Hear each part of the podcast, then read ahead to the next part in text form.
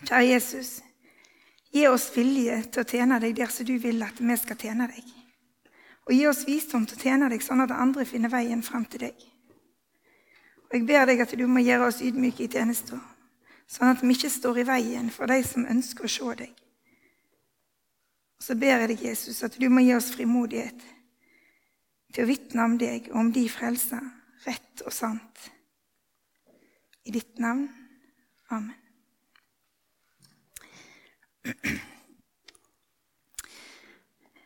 Jeg har lagd en sånn lysbildeserie.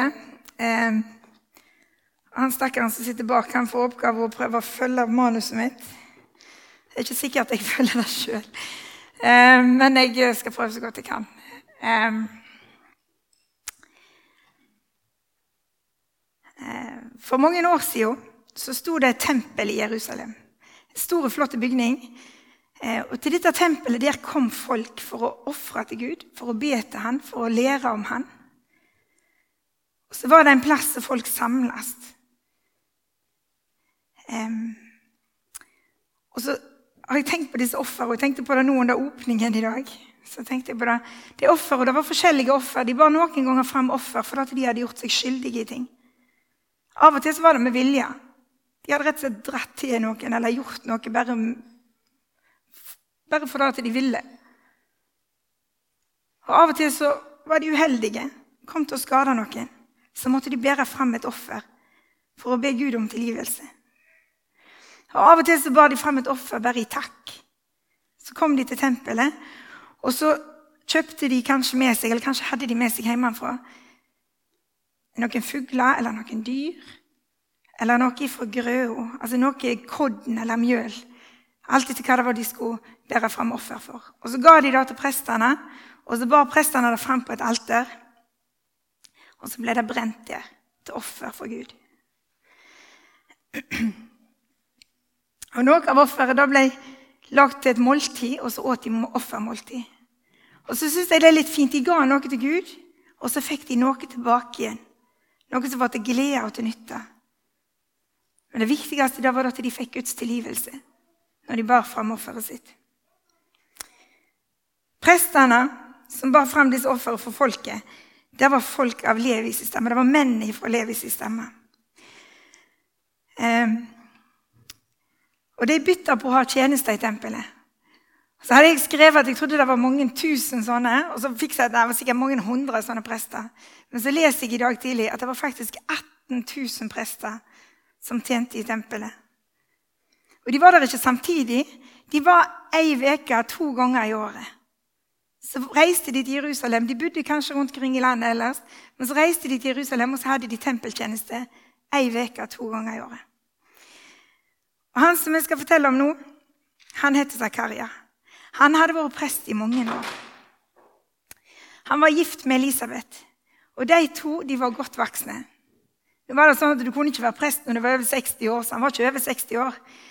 Men han var likevel en godt voksen mann. Og Elisabeth og Zakaria hadde funnet ut at vi får ikke unger. Vi kan ikke få unger. Så hørte vi lest i teksten her at Elisabeth hun så på det som ei vanære. Men jeg tror likevel at Zakaria og Elisabeth hadde slått seg til ro med det. De kom til å bli de siste i sin slekt. Det kom ikke til å komme noen etter dem. I løpet av de åra som en prest var prest i tempelet, så var det én ting han fikk lov til å gjøre én gang. En eneste gang. Og Det var å bære røykoffer inn i det hellige. Og Zakaria han hadde vært prest i mange år. Han var sannsynligvis på slutten av prestetjenesten sin. Så han hadde kanskje vært prest i 30 år. Så hadde det ennå ikke vært hans tur. Dette offeret det var et offer som ble båret fram hver dag på vegne av hele folket. Og så ble det valgt hvem som skulle gjøre det med loddtrekning. Jeg vet ikke hvordan det foregikk. Jeg har et bilde her, men vet ikke hvordan det var. Men på en eller annen måte så ble det trukket et lodd som fortalte hvem det var sin tur. Og den dagen som vi hører om nå, så ble det Zakaria som ble valgt ut.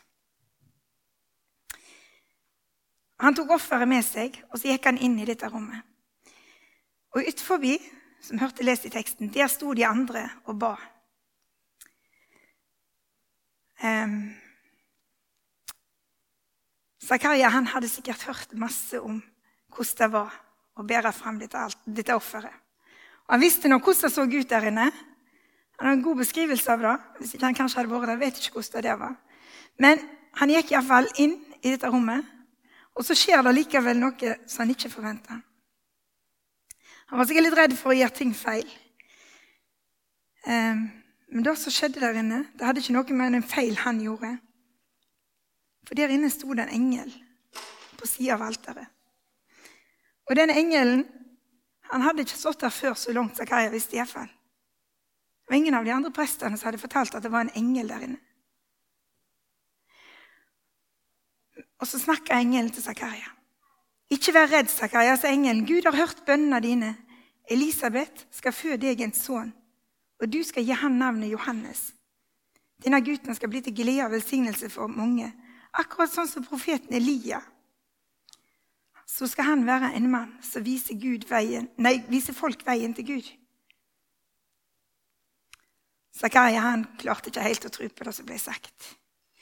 Eh, Altså, jeg er en gammel mann, og Elisabeth er en gammel dame. og Så prøvde han å forklare at dette var jo ikke mulig. Jeg syns det er merkelig, egentlig. Han var prest for Gud. Han kunne historien om Abraham og Sara. De var langt eldre, de. Så svarer engelen, fordi du ikke trodde på meg, så skal du bli stum. Og du skal ikke få lov til å snakke før dagen det skjer. Ut forbi så sto folk og venta, og ting hadde jo tatt litt tid. Zakaria han skulle bare bære offeret inn, og så skulle han legge det ifra seg på alteret. Og så skulle han be i bønn, og så skulle han komme ut igjen. Så begynte de nok å lure på om det hadde skjedd noe med han der inne. Men de venta litt til. Og Etter en stund så kom, igjen, de, kom han ut igjen, og de spurte han, hva var det som skjedde der inne. Hvorfor tok det så lang tid? Men Zakaria kunne ikke svare. Han var stum. Det står at han åpna munnen, men det kom ingen lyd. Folket forsto jo at han hadde hatt et syn. Og Selv om Zakaria prøvde å vise kanskje med hendene, eller et eller annet sånt, så forsto de nok ikke helt hva det var som hadde skjedd. Når den uka så Zakaria skulle tjene i tempelet, var over, så reiste han hjem igjen til Elisabeth. Han kunne jo fremdeles ikke snakke. Men ikke lenge etterpå så viste det seg at Elisabeth hun venta en liten. Jo, han, eh, Zakaria han visste jo om dette, her, for engelen hadde jo sagt det. Det som han hadde bedt om i så mange år. Det skulle virkelig skje. Han skulle få et baden. Han visste med en gang at det var snakk om en gutt. Han skulle hete Johannes. Og han hadde sikkert så lyst til å si det høyt. Øve seg på å si navnet Johannes. Men han kunne ikke. Johannes skulle bli til velsignelse. Ikke bare for han og Elisabeth, men han skulle bli til velsignelse for mange, hadde engelen sagt. Og jeg kan tenke meg at gleden var stor for Zakaria. Ikke bare skulle han få en sønn, men han skulle få en som skulle tjene Gud på en spesiell måte.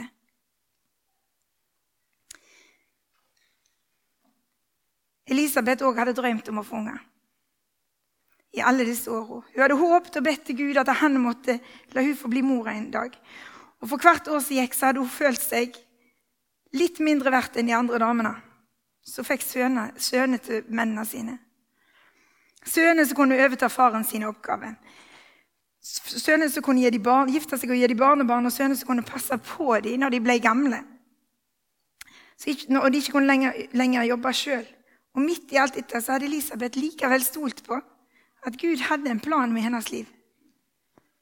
Og Jeg har tenkt på det etterpå. Jeg tror hennes tålmodighet det må være den største skatten.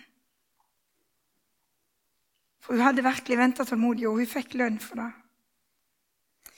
Zakaria og Elisabeth de hadde venta utrolig lenge på babyen sin. Og når den kom, så fikk de en liten gutt, sånn som de var blitt lovt. Og når han var åtte dager gammel, så skulle han omskjæres og få navn. Dette leste ikke om i teksten, kan lese det litt senere i samme kapittel, fra vers 57. Da sa, sa, Elisabeth at gutten skal hete Johannes. Og Så ser jeg for meg at de klødde seg litt i hodet. Så var det litt sånn, eh, Han kan jo hete Zakaria, da. Altså, det er jo et navn som dere har i slekt, og det er jo ingen som heter Johannes. Ingen i Elisabeths slekt, ingen i Sakarias slekt. Hvorfor i all verden skulle han hete Johannes? Men Elisabeth hun sto på sitt. Han skal hete Johannes. Så prøvde de å få ut av Zakaria hva syns du om dette. her? Og så ba Zakaria om å få ei tavle. Og så skrev han på den med tydelige bokstaver. Johannes er navnet hans. Folk forsto fremdeles ikke hva greia var. Hvorfor i all verden skulle han hete Johannes? Men de forsto jo at de var enige om dette, her da, Elisabeth og Zakaria. Og så forsto de at det var noe med dette her. For plutselig så begynte Zakaria å snakke. Han som ikke hadde kunnet snakke på flere måneder. Helt siden den dagen han gikk inn i tempelet. Zakaria han takka Gud og han lovpriste ham for det som hadde skjedd. Og Mye av det som han sa, var det samme som engelen hadde sagt til han inne i tempelet. At den lille gutten skulle være en Guds profet, og at han var den som skulle rydde vei for folket. Det var snakket om dette i Det gamle testamentet. Det skulle komme ei som skulle rydde vei for, Gud, for Jesus, for Messias.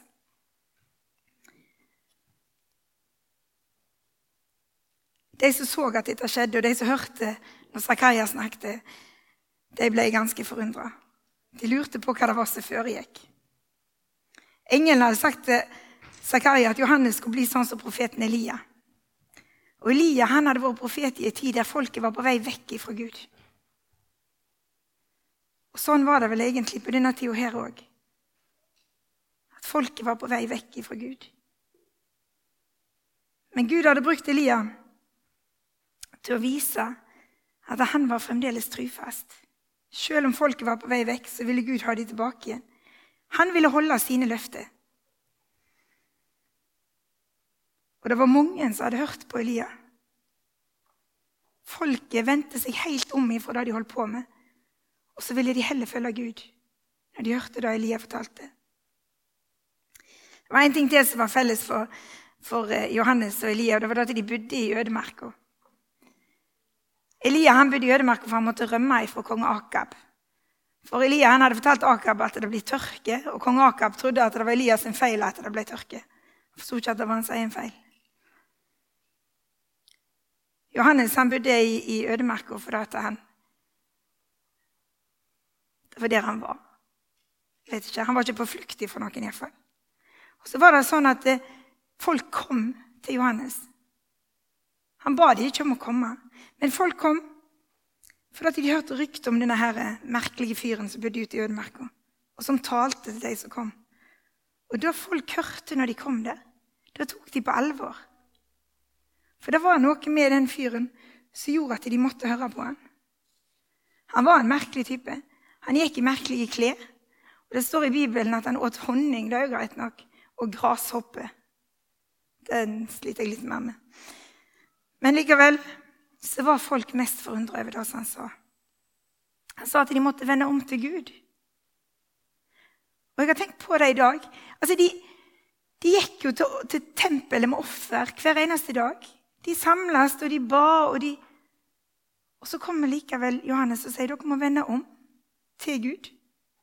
Ja, Men er vi ikke vendt mot Gud, da? Det var da han sa.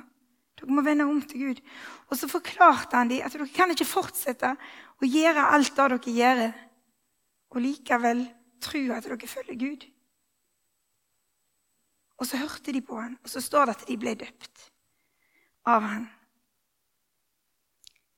Navnet til Johannes det betyr Gud er nådig. Og Guds nåde det handler om at han gir oss det vi ikke fortjener. Vi fortjener på ingen måte hans, hans velsignelse, hans gave, hans tilgivelse. Vi fortjener det ikke på noen måte. Ingen av oss. Og Det gjorde ikke de på den tida der heller, og de bar fram offer på offer. Og Den åpningen i dag den, den tenkte åh, der slutta med det som han åpna for oss i dag. For vet dere, det siste offeret som ble båret fram, det var Jesus. Jesus han døde på korset, sånn at jeg og du og alle med oss og alle som lever etter Jesus, de skal få lov til å slippe å bære fram offer etter offer etter offer. Offer for det som er gjort med vilje, offer for det som ikke er klar over at de har gjort. Offer i takknemlighet. Offer i skam. Du trenger ikke bære det fram. For det ble båret fram ett offer i påsken for over 2000 år siden. Nei, ikke over 2000, for snart 2000 år siden. Så ble det båret fram ett offer. Jesus ga seg sjøl til offer for våre synder. Og Så var det da Johannes snakket om. Og så er det det vi må snakke om. Vi må våge å fortelle det. At Jesus har gjort opp for oss. For det er så mange som går rundt og tenker at 'jeg er ikke god nok'. Og det er helt sant. Johannes sjøl sa 'jeg er ikke god nok til å åpne skoreimene til Jesus en gang'. Vi er ikke gode nok, men på grunn av Jesus så er det godt nok.